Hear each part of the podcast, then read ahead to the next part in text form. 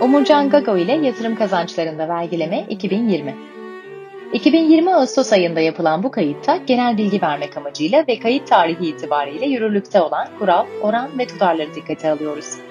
Bu podcast'i dinlediğiniz tarihe dek mevzuatta veya mevzuatın yorumunda değişiklikler olmuş olabilir. Vergisel pozisyonunuzu salt bu podcast'e dayanarak değil, vergi danışmanınıza başvurarak belirlemenizi önemli tavsiye ederiz. Yatırım kararlarınız içinse lütfen yatırım danışmanlarınıza danışınız.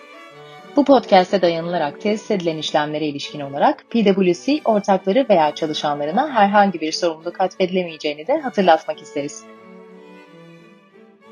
Merhabalar, ben PwC Türkiye ortaklarından Umurcan Gakon. Yatırımlarını finansal varlıklarda değerlendiren ve herhangi bir nedenle uykusuzluk sorunu çeken dinleyicilerimiz için hazırladığımız bu podcast serimizde Türkiye'de yerleşik gerçek kişilerin finansal yatırım araçlarından elde ettikleri gelir ve kazançların vergilendirilmesini ele alıyoruz. Bugün 18 Ağustos 2020. Önceki bölümleri dinleyenleriniz bilecektir. Her bölüme vergi ile ilgili alanında isim yapmış kişilerin meşhur bir sözüyle başlıyoruz. Ancak belki de işin biraz tabiatı itibariyle bu sözler genellikle güzelleme değil eleştirel oluyor. Ben de bir değişiklik olsun diye önceki bölümde Mark Cuban'ın vergiyi olumlayan bir sözünü seçmiştim. Bu kez de bir dinleyicimden vergiyi vergiciyi güzellemek de nereden çıktı gibisinden bir geri bildirim aldım. Dolayısıyla bugünün vergisel özlü sözü bu dinleyicim için Matta İncil'ine göre Hazreti İsa'dan geliyor. Bakınız ne diyor İsa Mesih. Ben size diyorum ki düşmanlarınızı sevin. Size zulmedenler için dua edin. Eğer yalnız sizi sevenleri severseniz ne olur ki ödülünüz? Vergi tahsildarları da öyle yapmıyorlar mı? Yalnız kardeşlerinize selam verirseniz fazladan ne yapmış olursunuz? Gördüğünüz gibi İsa Mesih de herkesi sevmeyi öğütlemiş. Sevilmesi en zor olanları bile. Mesih bunun timsali olarak da Roma'nın vergi tahsildarlarını anmış. Ama kim bilir belki kendisi de üzerinden vergi ödeyecek fazla bir varlığa veya gelire sahip olmadığındandır. Sonuç itibariyle Sezar'ın hakkı Sezar'a diyerek de mevzuyu tatlıya bağlamış, adeta gönüllü vergi uyumunu tavsiye etmiş her iyi vatandaşa. Bu bölümde mevduatlarımızdan elde ettiğimiz gelirlerle repo kazançlarımızın vergilendirilmesini ele alıyoruz. Bugün işimiz çok kolay olacak çünkü bunlarda vergileme son derece basit.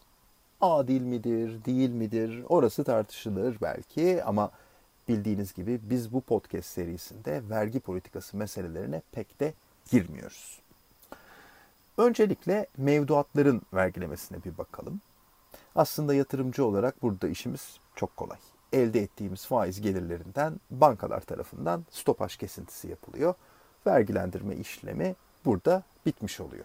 Faiz gelirlerimiz için beyanname verme yükümlülüğümüz yok. Sadece paramızı bankaya yatırıyoruz ve elde edeceğimiz gelirlere bakıyoruz. Vergilendirme kısmını bankalar bizim adımıza hallediyorlar. Elde edilen gelirin büyüklüğü ne kadar olursa olsun bu durum değişmiyor. Yine de beyanı gerekmiyor gayrimenkul kira geliri, gayrimenkul satış kazancı gibi gelirlerden dolayı beyanname verilmesi gerekse bile vadeli mevduat faiz geliri beyannameye dahil edilmiyor. Peki stopaj oranları kaç? Stopaj oranları mevduatın vadesi ve Türk lirası cinsinden olup olmadığına göre değişiyor. Gelin önce Türk lirası sonrasında döviz cinsinden mevduatlara uygulanan stopaj oranlarına kısaca bir bakalım. Vadesiz veya 6 ay vadelilerde %15, 6 aydan 1 yıla kadar vadelilerde %12, 1 yıldan uzun vadelilerde %10 ve son olarak da enflasyona endeksli değişken faiz uygulanan 1 yıldan uzun vadelilerde %0. Türk lirası cinsinden mevduat gelirleri için az önce söylediğim stopaj oranları katılım bankaları tarafından katılma hesabı karşılığı ödenen kar payları için de geçerli. Şimdi de döviz cinsinden tevdiat ve katılma hesaplarında stopaj oranlarına bir bakalım.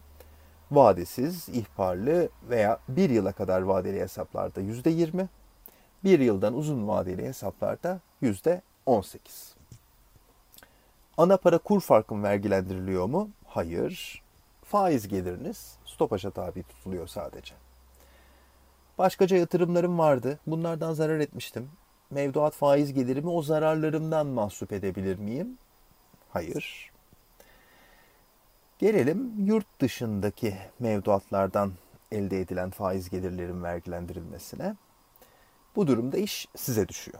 Zira yurt dışından elde ettiğiniz faiz geliri 2020 yılı için 2600 liradan fazlaysa beyanname vermeniz gerekecek. Yurt dışı mevduatlara dair en çok merak edilen husus ise şu. Mesela yurt dışındaki bankada vadeli bir mevduat yapmıştım. Yıl içinde vade bitti ama ben paramı hiç çekmedim. Türkiye'ye de getirmedim.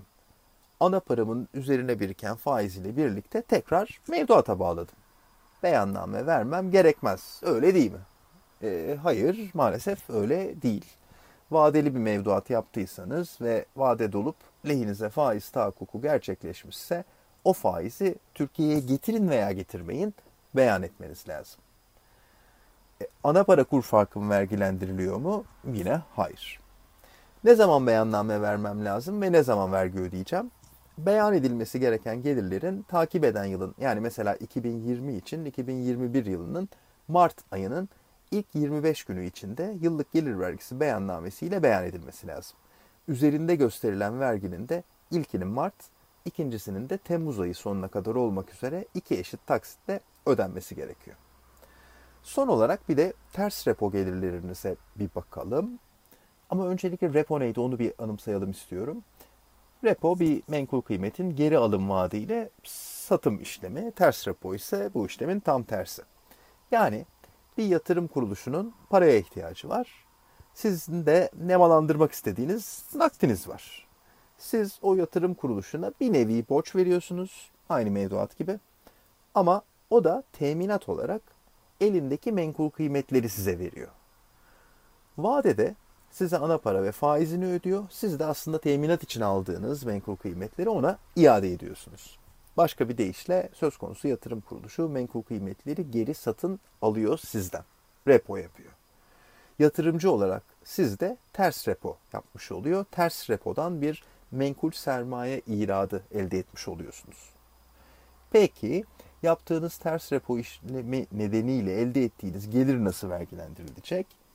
%15 stopaja tabi olacak. Bu stopaj nihai vergi. Ayrıca beyanname vermenize gerek yok. Tıpkı mevduat faizlerinde olduğu gibi. Yurt dışında ters repo geliri elde ederseniz vergilemeniz aynı mı olacak? Ee, hayır. Bu gelir 2020 yılında 2600 liradan fazlaysa beyanname vermeniz gerekecek. Yine tıpkı mevduat faizlerinde olduğu gibi. Böylece bu podcast serimizin 9. bölümünün sonuna gelmiş bulunuyoruz. Uykuya dalmadan buraya kadar gelmiş olduğunuz için özür diliyorum. Bir sonraki bölümde buluşuncaya kadar keyifli, sağlıklı, bol kazanç ve az vergili günler diliyorum.